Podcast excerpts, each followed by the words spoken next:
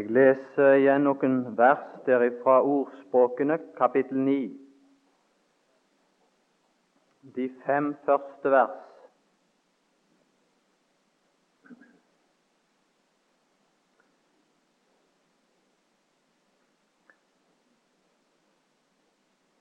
Ordspråkene kapittel 9 fra vers 1. Visdommen har bygget sitt hus. Hun har hugget til sine syv stolper. Hun har slaktet sitt slaktefe, blandet sin vin og dekket sitt bord. Hun har sendt ut sine piker. Hun roper oppe fra byens høyder. Den som er enfoldig, han vender seg hit. Til den som er uten forstand, sier hun, Kom, et av mitt brød, og drikk av den vin jeg har blandet. I går så prøvde jeg å gjøre oppmerksom på at Visdommens røst, den roper. Men på grunn av at det er andre røster som er å høre, så gjelder det om å kunne skjelne ut visdommens røst, så du ikke tar feil.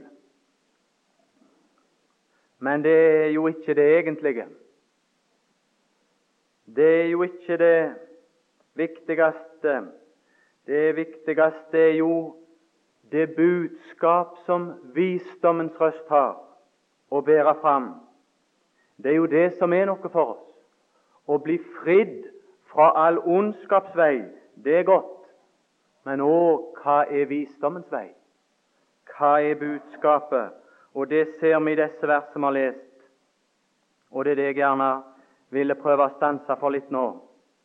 Innholdet av dette som visdommen roper ut i sitt budskap, nemlig en invitasjon til en fest i visdommens hus. Her har vi, her fra begynnelsen av det niende kapitlet, har vi den glede i menneskenes barn, som kapittel 8 fortalte at visdommen hadde, ifra, ifra evighet av. Visdommen har her gjort seg anstrengelser for å kunne være i stand til å invitere til sin fest i sitt hus. Og Da vil jeg bare innledningsvis gjøre oppmerksom på to ting som hebreerbrevet gjør oss oppmerksom på når det gjelder et hus. Det er selvfølgelige ting. Men det er ikke sikkert det er så selvfølgelig. Det er derfor brevet gjør oss oppmerksom på det. I det tredje kapittel der så står det i det tredje vers Jeg leser bare siste del av verset, for det er selve prinsippet. Der står den som har gjort huset, har større ære enn huset selv. Og Det er egentlig det som ligger meg litt på hjertet. Selv om vi skal lese om et vidunderlig hus som er visdommen verdig,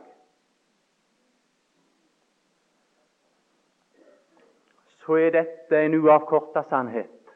Og så er det dette som egentlig er det store her. Den som har gjort huset, har større ære enn huset selv. Og at enhver skulle bli personlig konfrontert med denne personen under lesningen av dette. At hans ære skulle bli stor for hver og en av oss. En byggmester har det vel sånn at han bygger et hus, men han kan jo ikke bo i alle. Men å, det er ikke bare at eh, visdommen har bygd et hus.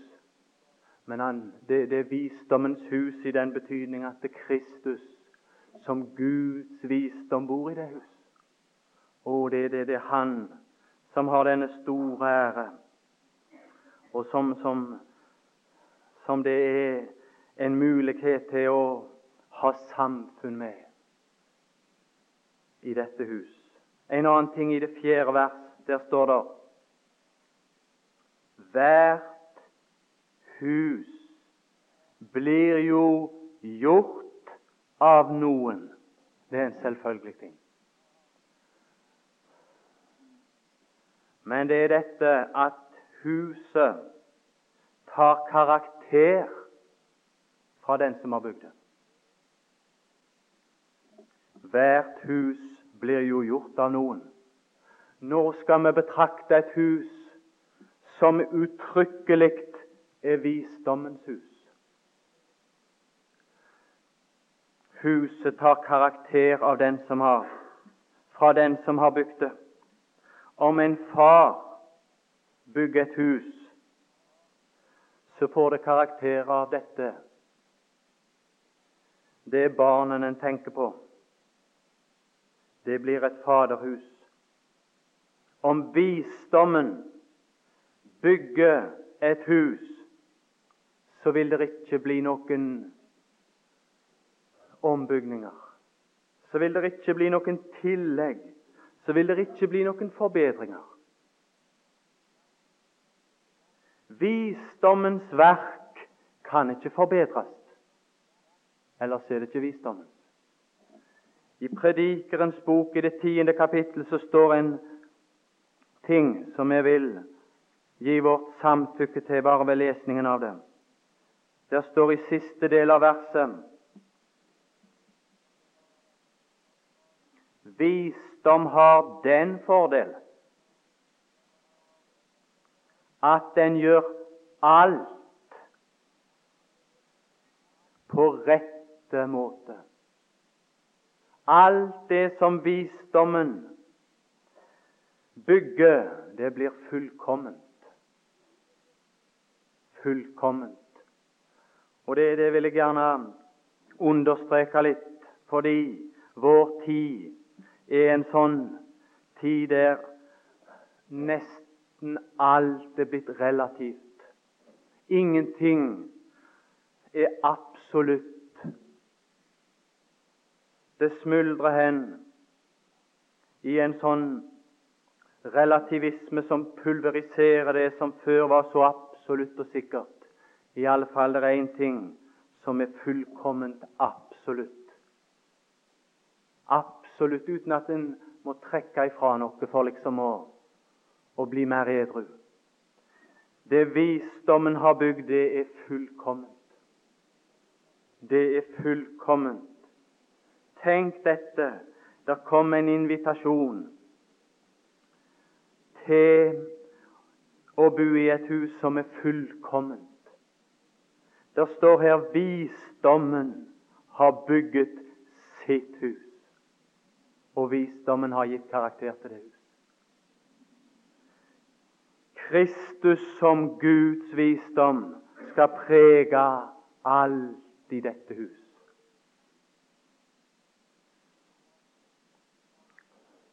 Hun har hugget til sine syv stolper. Det er et fullkomment bygg, nemlig.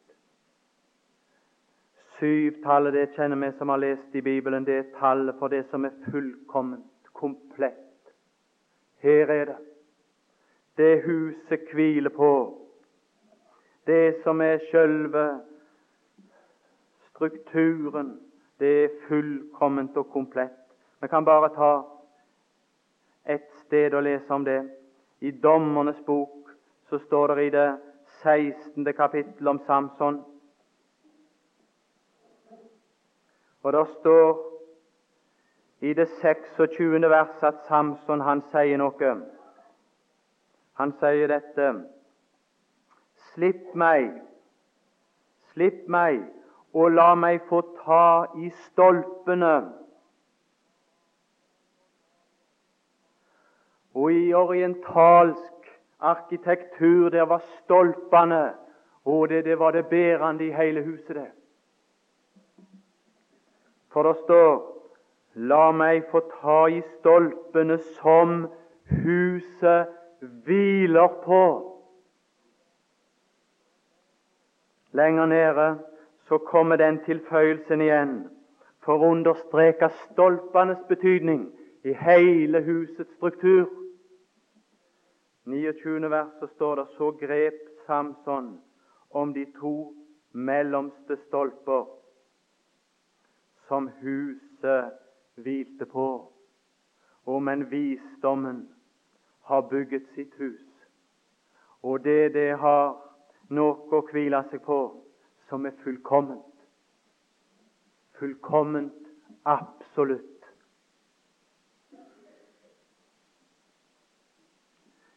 Jeg må bare få nevne ett sted i Det nye testamentet her som du kan ta inn i ditt sinn, og det har vært lenge i mitt sinn. I mange veker har jeg tenkt på dette vers, og det er bare et uttrykk, egentlig. Og det er fullkommen kjærlighet. Ikke trekk ifra. Det som det benevnes her, det er fullkommen kjærlighet. Så står dette i 1. Johannes brev, det fjerde kapittel og det 18. vers. Den fullkomne kjærlighet. Jeg skal ikke lese sammenheng, men, men bare tenk. Bare la det sige inn i ditt sinn. Og det, det, det er vidunderlig for meg i alle fall å tenke på. Ustanselig. Når vi tenker på dette som vi ble minnet om i forrige time her, at omstendighetene er kanskje ikke så gode. Mange går gjennom trengsler. Den nærværende tids trengsler og de ytre omstendigheter taler ikke om. Du må ikke lese i de ytre omstendigheter. Hvorledes det er i Guds hjerte for deg. Du må ikke prøve å finne noe ut av de ytre omstendigheter. Å, men det er vidunderlig å leve i den åpenbarelse som har skjedd, som har avdekka noe som er i Guds innerste vesen, og som er der ikke bare sånn som en liten, god tanke for meg, men hvor vidunderlig det er, midt i denne verden, å leve i lys av at det i Guds hjerte er fullkommen kjærlighet til meg. Jeg skal ikke nevne noe mer om det, men bare som den tanke kunne feste seg hos oss. Fullkommen kjærlighet. Alt er fullkomment i dette hus. Og så kom invitasjonen til å tre inn der og ta del i denne fest. Og Da vil jeg bare understreke dette prinsipp huset. For uh, det er ikke sikkert evangeliet forkynnes i, i hele sin spennvidde, om du vil si det sånn. Én ting er dette, og det er det som mest blir forkynt. Men det er ikke sikkert det gir den som har bygd huset, den ære som den tilkommer, fordi han har bygd huset. Og det er dette En ting er det at Gud kan komme oss i møte i evangeliet i sin nåde. Og møte meg i mitt behov og dekke det til fullkommenhet. Det er én ting. Men det er en ganske annen ting at Gud inviterer meg til samfunn i sine gleder sånn at han får stetta sitt behov i sine gleder og i sine ting.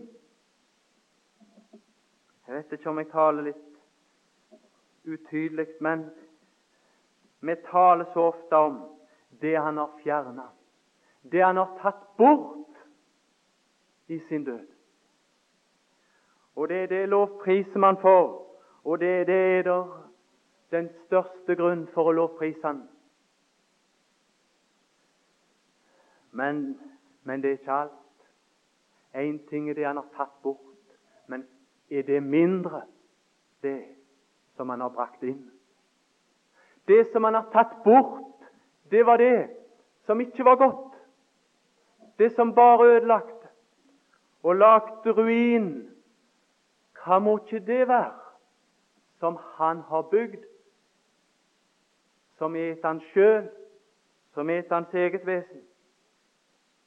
Jo, det må være større. Jeg skal bare lese et, et vers om det, selv om tida den går veldig fort. Hebreerbrevet, det tiende kapittel, som vi ble minnet om. Bare ett vers der. Og det blir sagt uten at jeg får legge det fram så jeg gjerne vil i sammenheng. Men det står der i det niende vers, og du må tenke på sammenhengen. Han tar det første bort. Og det er stort. Og det var hele systemet, det. Av lov og ofringer og judaismens hele system. Han tar det bort. Men er det alt?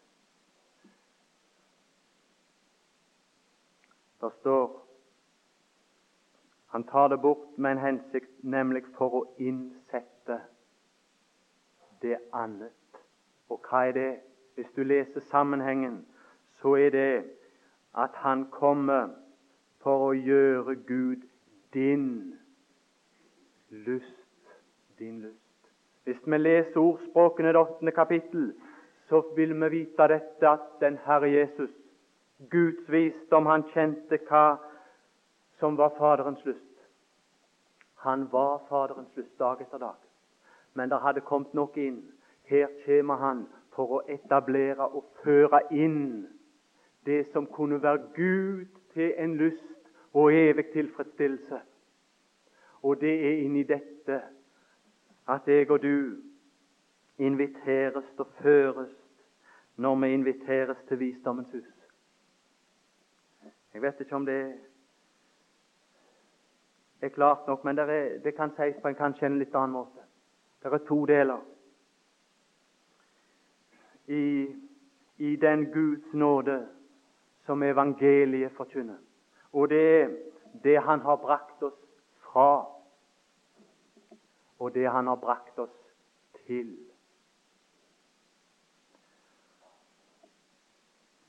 Om du bare kjenner den første del, det han har brakt oss ifra, så vil du være opptatt med deg sjøl. Og du vil være opptatt med det du har unnsluppet ifra, og det synes du er vidunderlig. Og det, det er vidunderlig. Men det er nemlig dette at visdommen har bygd sitt hus, og han inviterer til sine gleder. Til det han har å anskaffe. Men det er en annen ting å være opptatt med, og det er det han har brakt oss til. Og det er dette som er i visdommens hus, det han har brakt oss til. Og da vil du være opptatt med storheten av det som der finnes. Og storheten av den som har brakt oss dertil. Hvis du ble tatt ifra et fengsel og plassert i et palass, så ville du ikke tale om fengsel. Du ville være overvelda av den storhet som du var brakt til. Og nå er det kun et svakt bilde. Men det, det forteller meg noe. Hvis det evangeliets spennvidde sto klart for oss, så var det noe som skulle opptas mer enn det som vi var brakt ifra. Og det er storheten, fylden og herligheten av det vi er brakt til. Jeg føler for min del at jeg bare står på terskelen til en verden av herlighet som åpnes for deg når dette presenteres for oss, hva Han har brakt inn. Storheten av dette må, må, må, må, ta vårt hjerte hen. Og det er bare det som kan bevare oss i denne verden til å bevare oss i omgangen og samfunnet med Han. Tenk bare på et øyeblikk Maria. Hun, hun hadde blitt overveldet av dette, storheten av hans person. Og samfunnet med han var så overveldende for henne at verden, når hun sto der utenfor graven, den var liksom som en tom grav. Den var ingenting når ikke han var der. Og der kom, der kom apostler. Og du vet det er et helt kirkesamfunn som har bygd hele sitt vesen opp på en apostel og syns det er så stort. De hadde ingen tiltrekning på henne, de gikk hjem, men hun kunne ikke følge med.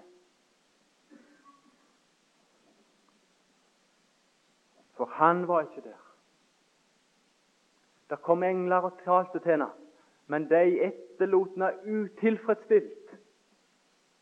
For det var bare én som kunne tilfredsstille det, og som oppveide det til fullkommenhet ved sitt eget personlige nærvær.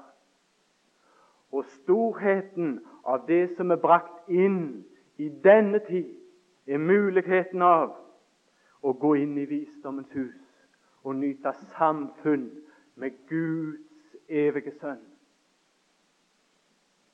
Det er noe i Johannes det første kapittel som jeg ofte tenker på, og som jeg synes det er så uendelig stort og har en tyngde for min sjel, i alle fall. Og det er dette som det står i det første vers. Og det andre verset står der i begynnelsen om hvordan det var mor, og det, det ser vi også i ordspråkene det åttende kapittelet, det samme. Og ordet Og ordet var hos Gud. Og ordet var Gud. Han var i begynnelsen hos Gud. Og hva som utspilte seg der, det, det vil jeg ikke tenke på nå. Men så leser du dette kapittelet, så kommer du ned til det 40. vers, og så er det noen som får en invitasjon til den samme personen. Og storheten av hans person er framlagt for oss for en del i begynnelsen av dette kapittelet. Han som var der i begynnelsen, han som var en guddomsperson uten å være noen mindreverdig sådan, en likestilt guddomsperson som i sin fylde trådte inn i denne verden. Og så hadde han et ord å si til noen, og det var 'kom'. De var interessert i å bo med Han som bodde med Gud i evighet. Tenk for en mulighet for deg, og en mulighet for meg, på Hans invitasjon. Da kom de og så hvor han hadde sitt herberge, og de ble hos ham den dag. Og dette er bare en, et bilde på det som gjelder for denne dag som jeg og du lever i. Hele denne periode gir oss ifølge Johannes' skrifter en mulighet til personlig kjennskap i samfunn med Guds sønn. La meg bare lese det så det ikke skal For det, det, det lyder så urimelig i denne verden. At Guds sønn skulle kunne tre ned her og, og tilby meg sitt samfunn og, og påta seg et legeme å komme i kjød for å kunne være nær for å kunne ha samfunn. Det står i det første Johannesbrevet, i det første kapittel, og det tredje vers der bare, og det fjerde vers. Det som vi har sett og hørt, det forkynner vi òg dere, for at òg dere kan ha samfunn med oss. Man kaller samfunn hva dette. Men vårt samfunn er med Faderen og med Hans Sønn Jesus Kristus. Det er litt av en karakter av et samfunn.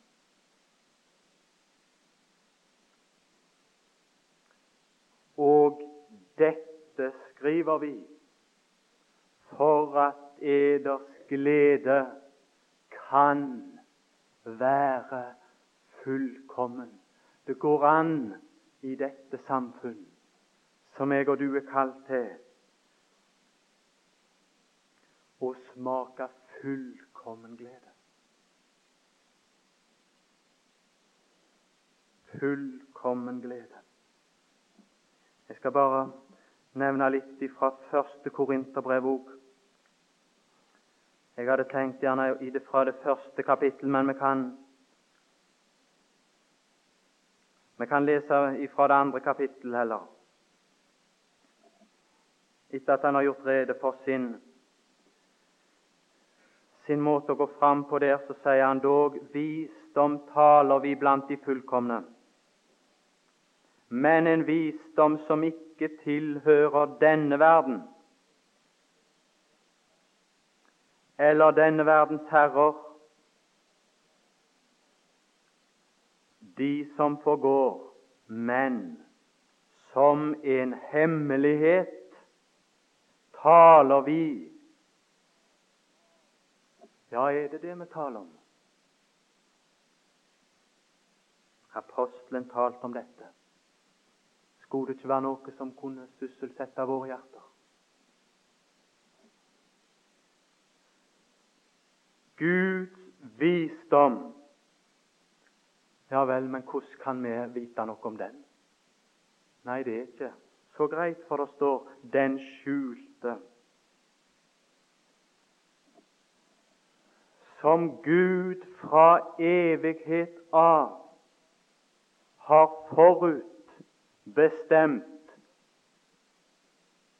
ikke bare til sin egen herlighet, men tenk du til vår herlighet. Den, altså Guds visdom, som ingen av denne verdens herrer kjente, for hadde de kjent den, da hadde de ikke korsfestet herlighetens herre. Men som skrevet er, og nå siterer han fra Isaiah 64 av det tredje vers hva øyet ikke så, og øret ikke hørte, og hva ikke oppkom i noe menneskes hjerte, hva Gud har beredt for dem som elsker Ham.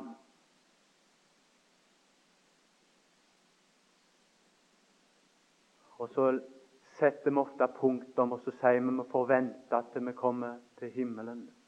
Men disse ting disse ting passer ikke for denne verden. vers 10. Men men oss har Gud åpenbart det ved sin ånd. Det er derfor vi taler om det. Det er derfor det går an å tale om det. Det som ellers var skjult, det har Gud åpenbaret oss ved sin ånd. Og vi kan gå langt lenger enn det som Isaiah skriver om der, i det 64. kapittel. Hvis du leser sammenhengen der, så er det den levning av Israel som tynger og, og for fullt trengt på alle kanter skal, skal fare gjennom landet. Som tenker på fortiden, hvis du ser i det 63. kapittel, på Guds mektige inngripen og så sier de i sitt nødskrik 'Sønderriv himmelen'. Åpenbar deg. Og at du har veldige ting i tanke for ditt folk, det er vidunderlig, men vi er i mørket her. Sønderriv himmelen og kom ut. Israels levning vil ikke vite om sin velsignelse før ypperstepresten kommer ut.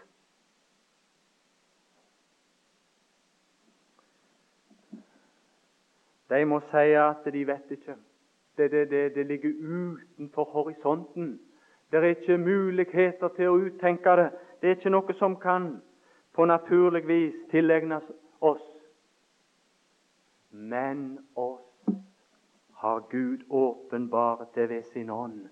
Men ypperste presten er inne, er Den hellige ånd sendt ut ifra helligdommen.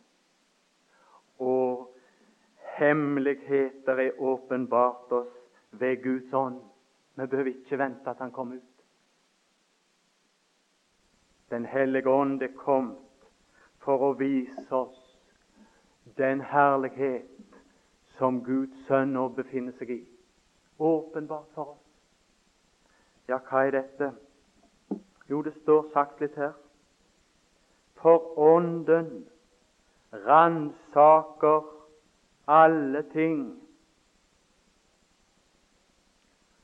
også dybdene i Gud.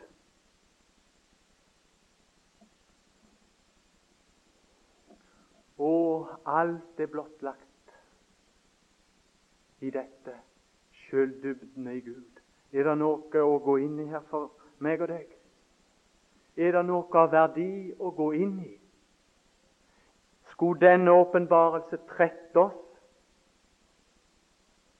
Når Gud har åpenbart det dypeste som lå på hans hjerte, de dypeste råd om det han forut hadde bestemt, det kom for dagen. Men det går an å være en troende og ikke kjenne til dette. I Korint så var det sånn. Se i det 15. kapittel og i det 34. vers så står det på denne måten Våg opp for alvor og synd ikke, forsumme Og det er til troende han sier dette har ikke kjennskap til Gud. Til skam for dere sier jeg det. Hvorledes er det i dag? Er du som er en troende her? Det skulle tale til alle og enhver av oss. Hvor stort er ditt kjennskap til Gud? Ja, men er det tilgjengelig nå? Også dybdene i Gud er åpenbart, så vi kan nyte samfunn med Gud med det Gud har på hjertet.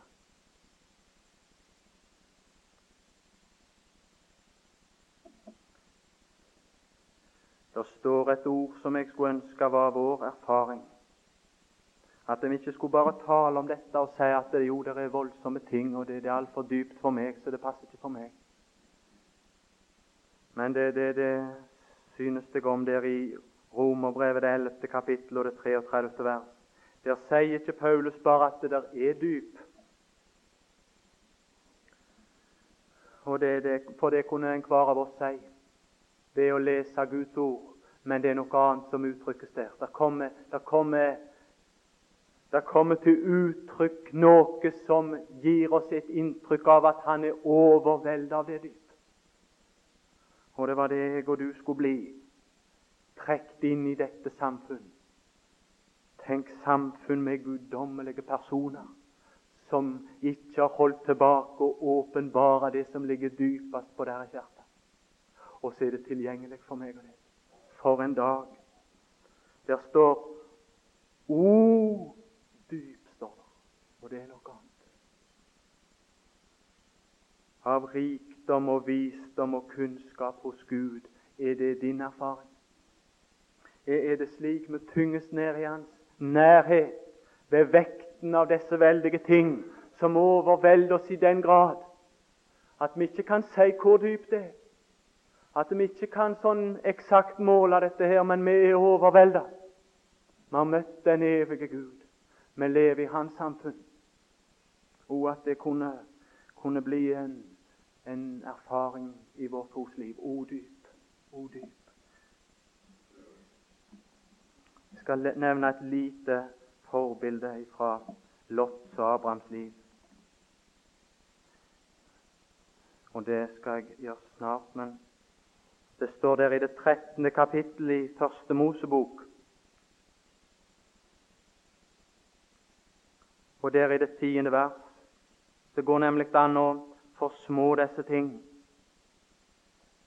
Men du får en mulighet.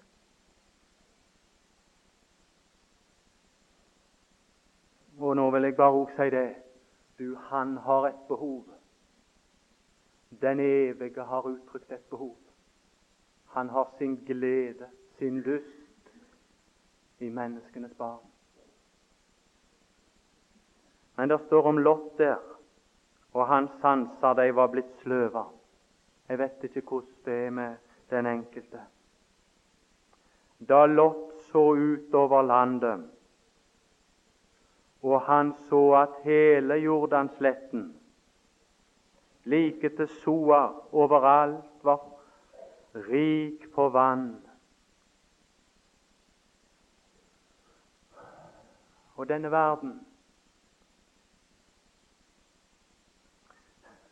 Det er ikke hensikten å si så mye negativt om, om at det ingenting er, selv om det er ruin i denne verden. Det er mye som er, er godt og fremdeles har et svakt vitnesbyrd om at det har en det har en slik Guds visdom til opphav. Det, det, det som kommer fram i evangeliet, det, det, er ikke, det, er ikke, sånn at det må rakke ned på denne verdens ting for å, å få en liten glans. Men det er det som kommer til oss i evangeliet, som vi prøver å minne hverandre om, det, det, det er noe som overgår. Det er det som er Salomos karakter og det vitnesbyrdet han fikk. Du, du overgår. Ikke det verste, men det beste på sitt beste. Så denne verden har nok noe Hvis ditt øye blir sløra, så er det dette kanskje vi ser. Og så, og så glemmer vi ut noe. Det er ikke så langt ifra Første Mosebok kapittel 3 til Første Mosebok kapittel 13, men Lot hadde glemt noe. Og det går så lett an å glemme. Vi snakker om et ferieparadis. Og det, det går an å bli drømme seg bort. Men her så noe Lott, og så ble han sanser sløva. Så sa han det ser ut som Herrens hage. Så hadde han glemt at de var utelukka ifra haven. Fallet hadde kommet inn som en bitter realitet, men det hadde han glemt nå. Og hvis du glemmer fallet og fallets forbannelse som du har lagt inn over denne verden, så, så kan en drømme seg bort og si 'Å, se, dette, dette er så herlig'. Hvorfor ikke nyte det? Det er så vidunderlig. Vi tar til oss av denne verden, og det er som Herrens hage, som Egyptens land. Hvorfor var det at Lot ble så tiltrukken av Egypt? Det var fordi han glemte fall og glemte at han var jaga ut av paradis her. Og så løvna sansene, og så så han det var så fint her. Og så glemte han dette ut. Men for et vitnesbyrd! Hva syn på Gud hadde han ikke tatt når han kunne tenke seg sånn? Tenk om Gud skulle være opphav til tingenes tilstand. Hva slags vitnesbyrd er ikke det om Gud? Det er ikke verdig Gud, tingenes tilstand. Og la oss ikke bli sløva i våre sanser på den måten. Men at han kunne glemme fallet og tiltrekkes av verden, det kunne han gjøre bare midlertidig. Det kom en tankepause her. Det var før. For det er bare midlertidig dette skal bestå. Det var før Herren hadde ødelagt Sodoma og Gomorra. Det er bare inntil ei viss tid. Men det, det, var denne kontrast jeg ville dra. I det 18. vers er det en annen mann, og det var han jeg gjerne med ville sko drages etter. Slik som det òg ble nevnt i forrige time. Hvor bodde han? Og Abraham flyttet sine telt og kom til Mamres terrebintelund i Hebron. Og det betyr samfunn. Der bor satte han seg. Lot ble tiltrukken av Egypt.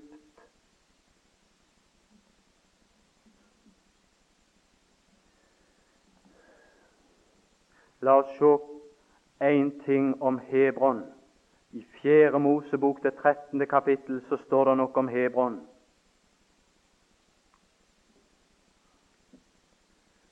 Og det står i det 22. kapittel. Der står etter et de kom til Hebron, så står det en opplysning om Hebron. Og det, det er en opplysning om det samfunn, med Faderen og med Hans Sønn, i å gå inn i det som han hadde på hjertet, som han ikke har skjult og holdt for seg sjøl, men som han har åpenbart sjøl det djupeste på hans hjerte, og stilt tilgjengelig, så jeg kan gå inn i det. Det står om den visdom der i første Korinterbrev at det var noe han hadde beredt før verdens grunnvoll ble lagt. Og her står noe om Hebron. Hebron var bygget syv år. Og det er en fullkommen periode, kan du si. Fullkommenhetens tall en fullkommen periode imellom. Det, det, det er en fullkommen avstand, kan du si. Jeg vet ikke hvordan du vil gjøre for å tilegne deg, deg innholdet av dette. Men nå er jeg kommet til et samfunn med Herren, der Han har åpenbart sin visdom, som er noe som er grunnlagt før verdensgrunnvoll ble lagt i en fullkommen avstand før Soan i Egypt. Og Hvis du leser Esaias 19, så vil du se der i det 11. og 13. vers at det var der Egyptens visdom hadde sitt senter.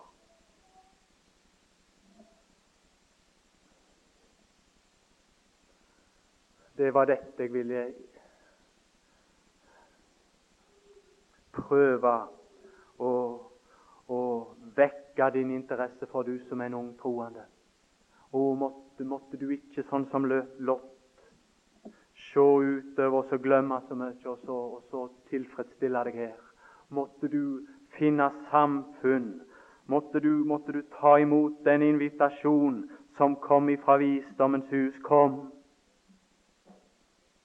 Kom nyte guddommens gleder. Kom for å nyte guddommens visdom, beredt for din herlighet. Det er tilgjengelig. Det er ikke over evne.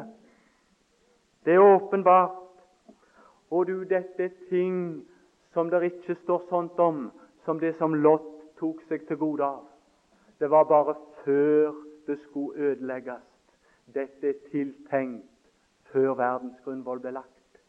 Det er lagt en fullkommen grunnvoll for det, som hviler på et fullkomment fundament. Å, du, du kan nyte dette. Jeg vet ikke om jeg får sagt det, nå har jeg brukt mer enn tida. Men det sto noe om noe som var dekka på bordet her, som skulle gi en fullkommen tilfredsstillelse.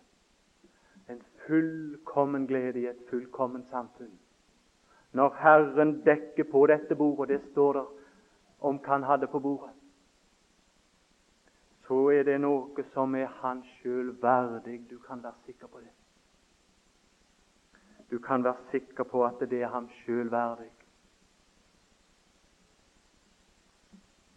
Her i denne verden så er det sånn at dess mer forfina smak du har, dess mer utsøkt smak du har, dess mindre er det som vil tilfredsstille. Bare prøv. I visdommens hus, der er det slik. Dess mer smak du har, dess mer utvikla smak du har, dess mer vil du oppleve fullkommenheten av tilfredsstillelsen i hans samfunn. Skulle det ikke være noe for oss som ble tatt ut av det fengsel og takka ja til invitasjonen å bo med Herren i Hans palass. Skal vi be.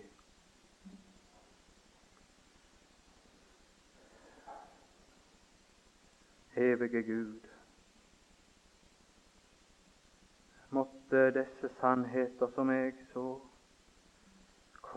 lyst prøvd å minne oss om du ved din ånd kan forklare det og utlegge det for den enkelte. Du har tatt bo ved Den hellige ånd i hver av de som hører deg til. Og det er så godt å anbefale ditt samfunn.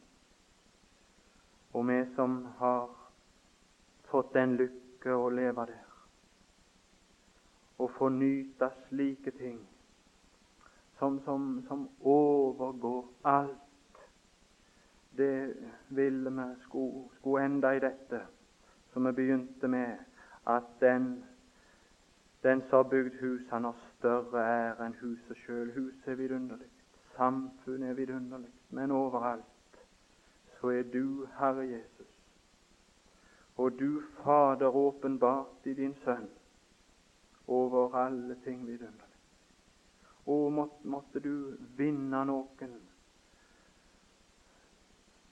Av de yngste òg til, til å velge Hebron. Mens vi er her, for å tilfredsstille deg. Du som før vi befant oss på denne jordkloden, før denne jordklode hadde noen eksistens, hadde din lyst i menneskenes barn måtte du få din lyst tilfredsstilt her òg, mens vi venter på den fullkommenhetens dag, når det ingenting skal hindre deg i å få full nytelse. Vi ber om dette og lovpriser ditt navn. Amen.